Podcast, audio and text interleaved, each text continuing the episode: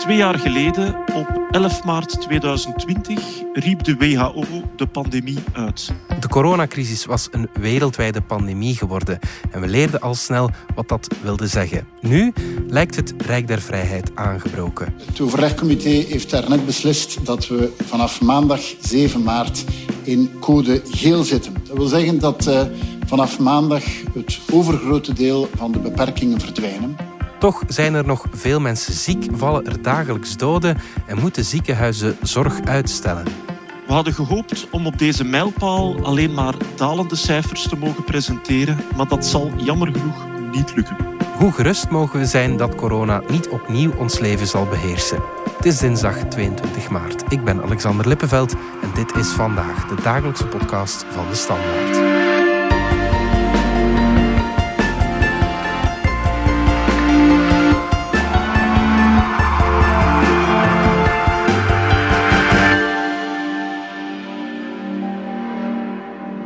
Voor we het over corona gaan hebben, wil ik je nog even warm maken voor ons podcastfestival. Want festivals mogen weer doorgaan. Weet u nog? Op 1 en 2 april verwelkomen we u graag in het Cursaal in Oostende voor nationale en internationale podcasttoppers. Als Beatles-fanaat kijk ik heel erg uit naar de komst van Michelle Cuvelier van Studio Brussel, die haar eerste podcastreeks Hey Paul voorstelt. Ze probeert daarin zo dicht mogelijk te komen bij Paul McCartney. Dat is, hoe je het ook draait of keert, de grootste songwriter ooit. Probeer me maar te overtuigen van het tegendeel. Gaat je niet lukken. Meer info en tickets vind je op dspodcastfestival.be. Hopelijk tot dan. Dries van onze wetenschapsredactie. Je hebt twee jaar lang heel intens de wetenschappelijke kant van de coronacrisis voor ons gevolgd. We zien de mondmaskers verdwijnen, alles gaat terug open, maar je hoorde viroloog Steven van Gucht daarnet in de intro waarschuwen voor de cijfers. Is de kust veilig? Wel, als je kijkt naar de laatste cijfers, dan zien we dat we richting 10.000 besmettingen per dag gaan. En we weten dat dat een onderschatting is, want veel mensen laten zich al niet meer testen. Mm En het was in het verleden ook zo, maar goed, dat blijft nu dat ook zijn enkel PCR-tests, die 10.000 dan, hè? PCR-testen of antigeentesten bij de apotheek. Ja, oké. in de cijfers. Ja, ja, uh, maar dat is, dat, is, dat is gigantisch. Hè? Als je dat vergelijkt met vorig jaar, vorig jaar hebben we geen enkele periode gehad waar we 10.000 besmettingen per dag hadden, mm -hmm. behalve de twee golven. Derde en vierde golf, een golf in, in uh, maart, april en eentje in november, december. Ja. Maar daarbuiten hebben we dat nooit gehad. Ja. En dus ja, kunnen we ook nu niet zeggen dat het nu per se een zeer rustige periode is. Je merkt het ook in je omgeving. Je hebt waarschijnlijk ook wel mensen die toch nog positief testen vandaag. En dat zijn er best wel nog veel. Ja. Waardoor je ook wel uitvallen hebt op het werk. Maar het grote verschil is nu dat je die ziekenhuisopnames niet geweldig ziet toenemen. We hebben ongeveer 170, volgens de laatste cijfers, 170 per dag. Wat ook wel nog veel is. Maar niet zoveel als in een reguliere golf. Dus mhm. dat, dat is een pak minder. En ook op intensieve zorg zien we wel dat die bezetting een pakje lager is. We hebben nu 170 mensen op intensieve zorg. Dat is veel minder dan we gezien hebben in de voorbije golf. De barometer, de coronabarometer, die staat nu in het geel, maar in theorie zou dat eigenlijk oranje moeten zijn als we de cijfers zouden volgen. Hè? Ja, er zijn twee belangrijke cijfers daarvoor. Je hebt dus de ziekenhuisopnames per dag. Dat zijn er 170. Dat zijn er meer dan 150. Dus dat wil zeggen, in principe op basis van alleen dat criterium zou in code rood moeten zitten. Dat is de hoogste code. Ja, ja. Als je kijkt naar de intensieve bedden die bezet zijn, dat zijn er 170. Dat is minder dan 300, dus daar zitten we dan in geel. Ja.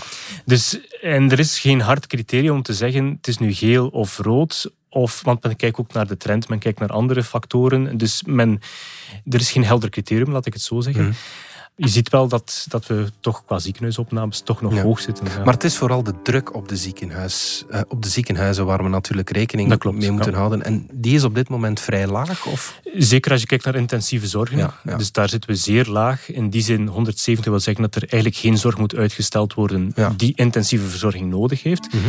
Je ziet wel qua ziekenhuisopnames, daar zitten we toch nog aan 2000 mensen in totaal in het ziekenhuis. Mhm. Ja, die moeten natuurlijk wel allemaal een bed krijgen. En dat betekent ook wel dat dat soms ten koste kan gaan van andere zorg. Zeker omdat er bij zoveel besmettingen vandaag nog ook gewoon veel personeel uitvalt. En dat is een belangrijke factor. Ja. die, die moet, mensen moeten er natuurlijk wel zijn. Margot Kloet van Zorgnet Icuro zei aan Radio 1 dat de personeelsuitval in ziekenhuizen hoog is en nog steeds stijgt. Sinds begin januari bevragen we de ziekenhuizen ook op die mhm. personeelsuitval. En begin januari was daar ruim 10%, met eigenlijk een hoogtepunt meer naar eind januari, begin uh, februari van bijna 15%. En ja, op vandaag stellen we vast dat die personeelsuitval nog altijd heel hoog is, met uh, meer dan 12%. En we zien toch wel de laatste weken opnieuw een stijgende trend. In sommige ziekenhuizen, Dries, zoals het UZ Leuven, moet reguliere zorg opnieuw uitgesteld worden. Ja, dat klopt. En dus daar ook niet omwille van de bezetting op intensieve zorg, wat in de vorige golven altijd het probleem was. Er mhm. was een veel te hoge druk op intensieve zorg en daar moest men terugschalen. Je kan geen operaties doen, want men loopt ook het risico dat men toch één of twee nachten intensieve verzorging nodig heeft. Dus dat men, kon men niet doen. Mhm. Dat is nu het probleem niet, maar je ziet wel voor de gewone bedden dat er en personeelsuitval is, dat is één factor, en ook nu griep in het land is, waardoor je mhm. ook wel weer wat meer opnames hebt. Dat is duidelijk te merken op de spoedafdelingen en bij de huisartsen, dat zegt Margot Kloet. Ik hoor ook op sommige spoedgevallendiensten dat uh, in het weekend 50% van de patiënten die daar aangemeld werden, dat dat mensen waren met uh, het griepvirus. Mm. Dus ja, we stellen dat vast ook samen met de huisartsen die in hun praktijk heel wat griep zien. Ja. Nu, die griepgolf is niet gigantisch. Ik kan niet vergelijken met griepgolven voor corona. Mhm. Maar de griep circuleert wel. En ja, dat, we weten daar ook van. Dat is ook een ziekte die zwaar ziek kan maken. Ja, dus, en zeker nu de mondmaskers uh, ja, allemaal afgaan, gaat dat meer en meer uh, rond. Ja, ja, ik denk dat het einde is van het griepseizoen, omdat het ook wel warmer wordt. En daar heeft griep ook last van. Dus typisch heb je tegen eind maart is het griepseizoen voorbij. Mm. Vaak na de paasvakantie zie je eigenlijk nog weinig griep. Mm. Maar we hebben eigenlijk griep heel sterk onder controle gehouden door alle maatregelen, onder andere mondmaskers. Ja. Waardoor griep eigenlijk niet goed kon circuleren. Er waren wel gevallen, maar dat toofde heel snel uit. Op het moment dat je natuurlijk veel loslaat, geef je griep ook nu een kans. Je schreef vorige week dat er een sneltest bestaat die niet alleen corona, maar ook griep kan opsporen. Hoe belangrijk uh, is die, die sneltest? Wel, die sneltest wordt nog niet zo heel veel gebruikt. Mhm. En vooral bij huisartsen. Dus voorlopig is die enkel op de markt voor professionelen. Okay. Heel belangrijk is die niet, omdat je zou kunnen zeggen vandaag maakt dat voor diagnose niet veel uit. Als iemand met een luchtweginfectie komt en het blijkt geen corona te zijn, dan zou je kunnen veronderstellen, ja, het zal misschien wel griep zijn. Mhm. En voor de behandeling van griep, zeker in minder ernstige gevallen, ja, die moeten vooral thuis blijven. Hetzelfde eigenlijk in quarantaine gaan. En daar is het niet zo heel belangrijk. Mhm. Wat wel belangrijk is in een ziekenhuiscontext, daar wil je natuurlijk wel weten, als je antivirale middelen geeft, ja, moet je die geven tegen corona, want die zijn duur. Dus daar wil je het wel weten, maar daar bestaan ook PCR-testen voor, dus dat is niet zo belangrijk. Maar wat wel zo is, is dat we nu zien dat corona de diagnostiek wel veranderd heeft. Men wil eigenlijk preciezer weten, wat is het nu precies? En ik kan me voorstellen dat binnen afzienbare tijd dat we gewoon ook gecombineerde zelftesten gaan krijgen. Ook omdat mensen het zelf willen weten. Ja. Ook al zijn die niet helemaal betrouwbaar, maar toch wil je weten, als ik bijvoorbeeld mijn grootouders ga bezoeken, ja. ga ik die niet besmetten? Ben ik op dit moment niet besmet met of corona of griep? Wat mhm. allebei wel belastend kan zijn voor, voor oudere mensen. Ja, ja, Goed, terug naar corona dan. Wat kunnen we verwachten voor deze lente en deze zomer? Wel heel precieze modelleringen hebben we nog niet, maar die komen er wel aan. En wat dat die aangeven is dat we nu wel nog een golfje kunnen verwachten. Ehm, we hebben de maatregelen gelost. Denk maar aan mondmasker bijvoorbeeld, haalde je al aan. Maar ook grotere bijeenkomsten kunnen nu eigenlijk aan 100% plaatsvinden. Dus er is geen CST meer. Dat zorgt er allemaal voor dat mensen elkaar meer gaan zien en ja, we weten dat contacten zorgen voor besmettingen, zeker op het moment dat het virus nog, nog sterk circuleert. Ja. Dus er wordt verwacht dat we wel een golfje gaan krijgen. De vraag is hoe hoog zal het zijn? Men verwacht niet dat het zo hoog zal zijn dat we in de problemen gaan komen. Ja. En na die golf, en dat zie je nu al, ook al in andere landen, bijvoorbeeld Denemarken, Nederland, daar dalen de cijfers al. Ja. Dat kunnen we bij ons ook wel verwachten, dat de cijfers na die golf opnieuw gaan dalen. En dat we dan eigenlijk wel in een relatief rustige periode gaan gaan. En hoe hoog waren die golven dan, die, die golfjes zeg maar, in Denemarken en Nederland? Waren die zorgwekkend of had dat een impact op de samenleving daar? Ja, in de zin dat er heel veel besmettingen waren. Neem Nederland bijvoorbeeld. Tot vorige week waren nog 60.000 besmettingen per dag. Dus dat is een pak meer dan bij ons. Ja, ja, maar zonder die uh, impact op de ziekenhuizen. Mm. Dus het is niet dat, dat men daar uh, sterke problemen heeft ervaren in de ziekenhuizen. Okay. Zelfs in Denemarken ook heel veel besmettingen. Ze testen ook wel meer. Mm. Nog meer dan in Nederland. Maar ook daar zie je dan op intensieve zorgen, daar liggen niet meer dan tien mensen die beademd worden. Dus dat, dat, valt allemaal wel mee. Voilà. Ja, ja, absoluut. Ja. Heeft het vaccin daar uh, iets mee te maken met het feit dat we deze besmettingscijfers nu aankunnen? Zeker, speelt, speelt zeker een grote rol. In die zin dat we nog altijd wel zien dat de vaccins zeer goed werken tegen ziekenhuisopnames en overlijden. Uh, dus dat, dat blijft hoog. De laatste cijfers zijn een vermindering van 50% bij ons.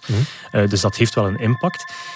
Qua impact op besmettingen is die veel kleiner. Dan zie je eigenlijk dat er nog nauwelijks een impact is. Dus dat mensen die zelfs drie prikken gekregen heeft, niet minder vaak besmet geraken dan hun collega's of, of, vrienden die helemaal geen prikken gehad hebben. Dus daar zie je dat die impact sterk afgenomen is. Mhm. Ehm, maar wat ook speelt nu, is dat je met een variant zit, Omicron, mhm. die intrinsiek minder ziekmakend is. En dat ziet men bijvoorbeeld, men heeft, eh, er was de laatste grote studie in de Lancet, op basis van Engelse cijfers. En daar zie je dan dat als je kijkt naar de niet-gevaccineerden, dat die ook veel minder vaak in het ziekenhuis belanden of veel minder vaak sterven. Dus, dus het sterfste cijfer is, min, is, is met een factor 5 gedaald. Ah ja, dus dat is, dat is gigantisch. Ja. Dus je ziet dat die variant echt wel intrinsiek ziekmakend is. En je hebt dan opgebouwde immuniteit via vaccins, maar ook via voorgaande besmettingen. En dat helpt allemaal om die ziektelast in de toekomst ook te verminderen. Ja goed, we hebben nu die Omicron-variant, maar er duiken ook nieuwe varianten op. Uh, er is zelfs een, een, Roeselaarse variant intussen. Dat klopt, ja. Ja, ja, ja, ja. ja. het AZ-Delta in, in, in Roeselare heeft dus 18 gevallen vastgesteld die een combinatie zijn van twee Omicron-varianten. Ja. Je hebt dus, eh, Omicron heeft, is ondertussen al opgesplitst in drie varianten, BA1, BA2 en BA3. Ja. En BA1 dan ook nog een keer een subvariant. Mm en dus, dus wat men daar in Roeselaar gevonden heeft, is een combinatie van BA2, dus de uitsteekseltjes van het coronavirus zijn BA2 en mhm. de basis is dan BA1-1. Ja. Uh, dus, dus, het is een combinatie en het opmerkelijke is dat dat waarschijnlijk ontstaan is door virale seks, zoals we, zoals we dat okay, heet. Ja. Dus dat is waarschijnlijk een patiënt die beide virussen had die bijvoorbeeld op een groot evenement geweest is en daar aangehoest is door mensen die zowel eh, mensen die BA2 hadden en mensen die dan iets anders hadden, die is een BA1-subvariant. Ja. En dan kan het zijn dat er een combinatie van die virussen ontstaat, omdat men eigenlijk een soort van schrijffout maakt. Dus die probeert snel te repliceren en normaal gezien repliceert hij zichzelf en dan zijn er kleine schrijffoutjes, waar dan ook mutaties ontstaan. Maar nu is eigenlijk een combinatie van die twee virussen ontstaan. Ja. En dat is eigenlijk iets wat we bij griep heel frequent zien. Dus bij griep, uh, varkens bijvoorbeeld, die hebben vaak verschillende griepstammen. Mhm. Eh, en dat is eigenlijk een kweekvat om nieuwe varianten daar te maken. Want ze nemen een beetje van de genetische code van mhm. de ene variant, een beetje van de genetische code van de andere variant. Mhm. Ehm, en zo ontstaan dan dus nieuwe, nieuwe varianten van, van griep. En nu zien we dat dus ook bij, um, bij, bij het coronavirus is daartoe ook in staat. Ja. Uh, tot nu toe hadden we dat niet zo heel vaak dat mensen met twee stammen besmet waren. Maar dat komt nu ook voor. En dus naast dat geval in hebben we ook in Frankrijk ook al combinaties van zowel Delta als Omicron, wat dan ja. Deltacron genoemd wordt. Ja, ja, ja. Um, wat misschien wel zorgwekkender is dan die combinatie van Omicron. Omdat Delta ook veel ziek maakt. Voilà, inderdaad. Ja, ja, ja, Want dus diezelfde studie in de Lancet is, specifiek gekeken naar gevallen in december, waar je eigenlijk ziet zijn mensen met dezelfde opgebouwde immuniteit, dezelfde vaccinstatus. En daar zag je in december, zag je beide circuleren, maar veel hogere ziektelast bij die Delta-gevallen mhm. dan bij die Omicron-gevallen. En dus het gevaar zou kunnen zijn bij zo'n Deltacron, is dat je het slechtste van beide werelden krijgt. Omicron, die veel besmettelijker is en veel sneller doorgegeven wordt, en Delta, die ziekmakender is. Ja, dat is natuurlijk iets wat we niet zo graag zouden zien gebeuren. Nee, nee, absoluut niet. Ja. Laat ons even iets verder nog in de toekomst kijken, zullen de maatregelen in de herfst en de winter terugkomen, denk je? Of hebben we dan die fameuze groepsimmuniteit misschien bereikt? Ik denk over groepsimmuniteit dat we ons niet veel illusies moeten maken. Mm. Als je ziet dat de bescherming tegen besmetting niet groot is van de vaccins, maar ook niet van voorgaande besmettingen, dan weet je dat het zal blijven circuleren. Dus een situatie van groepsimmuniteit, waarbij er voldoende opgebouwde immuniteit is om de circulatie te stoppen, dat, zal, dat is weinig waarschijnlijk. Mhm, mhm. Ehm, of de maatregelen zullen terugkomen, dat hangt er opnieuw vanaf hoe sterk zal die belasting in ziekenhuizen zijn. We kunnen verwachten dat we in de herfst opnieuw naar een golf zullen gaan met meer circulatie. Net omdat we op dat moment ook weer uh, terug gaan binnenzitten. Je hebt typisch een periode na de zomervakantie start het sociale leven opnieuw weer op. Ehm, in september, niet alleen school, maar ook werk, uh, verenigingsleven, eh, noem, noem, maar op. Mm. Dus daar krijg je veel meer sociale contacten opnieuw. In een situatie waar meer gaan binnenzitten. Dus je kan daar een golf verwachten. Mhm. Je kan ook gaan verwachten dat die immuniteit opnieuw gaat afnemen. Ehm, dat hebben we helaas gezien um, in, in de hele historie die we nu al meegemaakt hebben. Vaccins, die bescherming neemt af. Ook de bescherming van natuurlijke besmetting of, neemt af. En dan zal een beetje de vraag zijn, ja, wat gaan we daar tegen doen? Gaan we opnieuw een vierde prik zetten, bevolkingsbreed? Gaan we het op die manier proberen in te dijken? Of gaan we toch weer maatregelen moeten nemen? Maar dat zal in de eerste plaats afhangen, niet per se van de hoogte van de golf qua besmetting, maar wel van de last die we zullen zien in ziekenhuizen. Ja, het is, het is niet dat we al aanwijzingen hebben dat het naar een soort van ja, seizoensgriepje nu al aan het evolueren is, of bijvoorbeeld uh, eh, RSV dat ook jaarlijks ronde doet. Dat, dat is niet het, het, geval op dit moment. Nee, dus klassiek heb je inderdaad, voor corona hadden we een, een seizoen waar je in, in principe eerst RSV zag. En dan meestal zo rond januari begon dan het griepseizoen. Mhm. Het zou kunnen dat uh, corona zich daartussen nestelt. Dat, dat in, ook in het feit dat het een plek pakt in die. In, dat het dan drie worden: RSV, corona, griep of een mhm. andere volgorde. Ja. Maar dat zien we op dit moment helemaal nog niet. En als je kijkt ook wereldwijd, het is helemaal niet zo dat we nu zien dat het enkel in de winter circuleert. Mm um, dus, En het probleem is dat we dat ook maar zullen zien als dat, als dat al gepasseerd is. We zullen dat pas achteraf merken ja. dat dat patroon er is, inderdaad. Niet echt geruststellend nieuws, dat, dat kunnen we nog niet zeggen. Bij ons gaat het coronacommissariaat en de expertengroep, de GEMS, in april al op de schop. Is dat niet te vroeg? Ja, dat is het gevolg van een beslissing die men gemaakt heeft. Men heeft gezegd dat coronacommerciaat bestaat in principe voor een jaar. Men heeft dat al met een half jaar verlengd. Mhm. En dus op 8, 8 april loopt dat af. Je kan ook zeggen natuurlijk op het moment dat die federale fase voorbij is en dat je eigenlijk preventie opnieuw aan de deelstaten geeft, want dat is eigenlijk hun bevoegdheid, ja. kan je zeggen, oké, dat is een logisch gevolg dat het coronacommissariaat nu niet meer bestaat. Het is niet dat er niemand meer bezig is met, met, met corona. Nee, dat klopt. Maar eh, anderzijds kunnen we ook wel nog verwachten dat het niet de laatste golf zal zijn die we nu zien. Dus je moet ook wel voorbereid zijn om opnieuw in te grijpen. En de GEMS ja, die gaat inderdaad in een soort van waakmodus, maar die zal ook niet helemaal afgeschaft worden. Men, zal die waarschijnlijk, men, men is nu nog aan het bekijken wat gaan we daarmee doen. Maar een van de scenario's die op tafel ligt, is om te gaan zeggen: oké, we gaan die GEMS laten bestaan aan zich, zodat we die snel weer kunnen activeren op het moment dat het nodig is. Een slapend instituut eigenlijk. Precies, ja. ja, ja, oké. Infectiologe Erika Vliegen, de voorzitter van de GEMS, is wel van mening dat de slinger te veel doorgeslagen is naar corona is gedaan. Dat zei ze maandag in onze krant.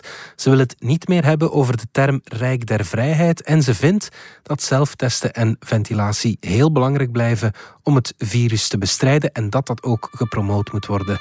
Dries, wat doen andere landen om zich voor te bereiden op uh, wat er nog komt? Maar je ziet dat andere landen, Nederland bijvoorbeeld, ook Verenigd Koninkrijk, nog wat andere landen, wel structurele stappen zetten om te gaan kijken, ja, als we nu een volgende pandemie willen vermijden, ja, hoe moeten we dat dan aanpakken? En dat is, iets, dat is een beweging die we bij ons nog niet zien. Mhm. Misschien voorlopig nog niet. Laten we hopen dat het ook nog komt. Want dat is uiteindelijk wel belangrijk. We weten dat de kans er is dat we misschien opnieuw een golf zullen hebben. Misschien met een nieuwe variant mhm. in het coronavirus, dat kan. Die dan ook weer alles overhoop haalt.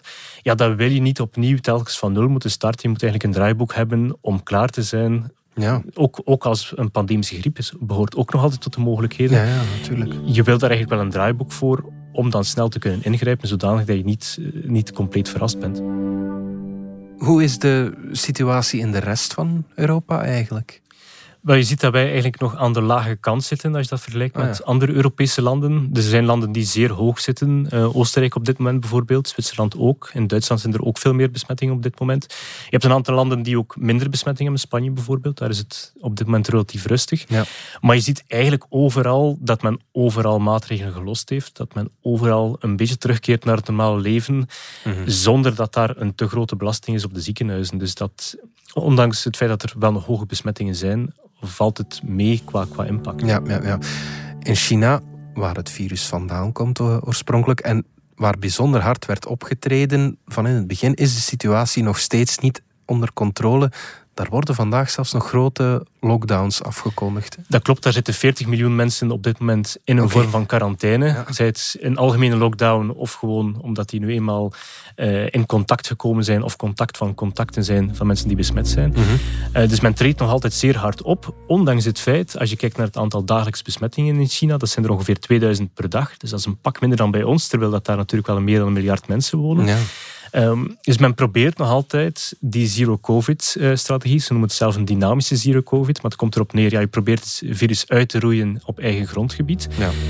Uh, maar natuurlijk, als je een veel besmettelijkere variant hebt, wat Omicron is, is dat veel moeilijker om die strategie aan te houden. Dus men probeert dat wel, uh, maar dat is niet eenvoudig. En blijft de vraag natuurlijk op lange termijn ja, ga je dat kunnen uit, uit je land houden? Um, Omdat we natuurlijk weten, ja, je kan je eigen grenzen sluiten. Dat heeft China eigenlijk al twee jaar min of meer gedaan. Men heeft wel, enfin, je kan het land in, maar met een strenge quarantaineregeling. Mm Je kan dat niet in eeuwige dagen blijven volhouden. Dus nee, nee. Uh, ja, daar, daar, dat, dat, dat, is, dat is geen eenvoudige strategie die China probeert toe te passen. Nee, nee, nee, oké. Het feit dat wij nu niet meer moeten afrekenen of geen algemene lockdowns meer krijgen, wil dat zeggen dat het beleid de juiste keuzes gemaakt heeft? Het, het zal zeker helpen dat wij al hoven gehad hebben om de huidige golf onder controle te houden. Je bouwt op een zeker moment wel immuniteit op. Mhm. Dus dat is iets wat helpt. Het feit dat we ook voor uh, ja, die vaccins gegaan zijn, zeer breed en ook met derde prikken, zorgt ervoor dat we een relatief goede bescherming hebben. Dat helpt zeker ook. Als je dat vergelijkt met China, bijvoorbeeld 80-plussers, daar heb je 40% van de 80-plussers niet ingeënt. Okay, ja. Dus dat is een groot probleem. Op het moment dat je daar een grote golf hebt, ja, dan weet je ook dat er veel slachtoffers gaan vallen. En dat zie je ook vandaag in Hongkong gebeuren. Dus Hongkong heeft nu een record aantal uh, doden per dag, mm -hmm. hoger dan wij, wij, ooit gehad hebben okay. uh, in België. Ja. En dat komt ook voor een stuk doordat 60% van de 80-plussers daar niet gevaccineerd is. Wat gigantisch hoog is en wat natuurlijk een heel hoog risico geeft. Ondanks het feit dat je met Omicron wel een minder ziekmakende en minder dodelijke variant hebt. Maar ja, dan blijf je natuurlijk met heel veel besmetting ook wel heel veel doden hebben. Mm. Dus dat, dat is op zich een probleem. Dus daar, qua vaccinatiestrategie zaten, zaten we daar goed. Mm. Maar anderzijds zijn er bij ons ook wel heel veel doden gevallen. Ja. En dus als je kijkt opnieuw naar de eerste golf, ja, er zijn heel veel doden in rusthuizen gevallen denk niet dat we daar de juiste keuzes gemaakt hebben. In de tweede golf ook. Daar, we hebben een zware tweede golf gehad. We hebben daar eigenlijk te laat ingegrepen. Dat weten we ook. Mhm. Dus daar, dat wil ook niet zeggen dat we, daar, dat we daar per se de juiste keuzes gemaakt hebben. Mhm. Als je het ook vergelijkt met een land als Denemarken bijvoorbeeld. Denemarken heeft nu een grote golf. En nu relatief meer doden dan in het begin. Okay. Maar dat wil wel zeggen dat de hele dodenlast in het begin relatief laag is. Dus Denemarken is dat beter doorgekomen. Ik denk niet dat wij de strategie van Denemarken hadden kunnen doen. Wij zijn veel minder perifeer in Europa. Je ligt veel centraler, veel ja. moeilijker om het virus buiten te houden. Dus we hebben andere omstandigheden. Mhm. Maar we hebben dus wel een hoge tol betaald voor onze natuurlijk opgebouwde immuniteit. Dus het zal zeker nu helpen, maar het komt wel met een prijs. Ja. Misschien toch nog een positieve boodschap of een positieve vraag, Dries, eh, om af te sluiten. Gaan we van de lente en de zomer kunnen genieten in alle relatieve vrijheid, denk je? Zoals het er nu naar uitziet, wel. Okay. Uh, als, je, als je kijkt naar zelfs op een periode waarin we uh, geen vaccins hadden, mm -hmm. denk maar aan de zomer van 2020, die mhm. was relatief rustig. Oké, okay, mhm. we hadden daar wat opflakkeringen, onder andere in Antwerpen en daarna Brussel. Mm. Maar dat was niet gigantisch hoog. Je moet ook dat perspectief houden. In, in, in juni 2020 eh, waren op een gegeven moment nog 84 besmettingen per dag. Ja. Dat is gigantisch weinig. Ja. Vorig jaar had je dan ongeveer 300 besmettingen per dag in juni, wat ook gigantisch weinig was. Oké, okay, misschien zullen dat er nu wel wat meer zijn in de zomer, maar dat zal ook wel weer dalen, nemen we aan, in de zomer. Wat aangeeft dat het toch een relatief rustige periode zal zijn. Ja. Tenzij we natuurlijk weer met een variant zitten die alles, alles verstoort. En ja, het virus heeft ons al een aantal keer verrast, dus daar moeten we altijd rekening mee houden. Ja. Maar behouden ze nieuwe varianten, denk ik dat het vrij goed uitziet. Goed, hopelijk heb je gelijk. Dries de Smet, dankjewel. Zeer graag gedaan. Dit was vandaag de dagelijkse podcast van de Standaard. Bedankt voor het luisteren. Ken je trouwens DS Podcast al, de podcast-app van de Standaard? Daar luister je niet alleen naar onze journalistieke reeksen, je krijgt ook elke week een eigenhandige selectie van de beste nieuwe podcasts op de markt. Alle credits van de podcast die je net hoorde vind je op standaard.be-podcast. Reageren kan via podcast.standaard.be. Morgen zijn we opnieuw.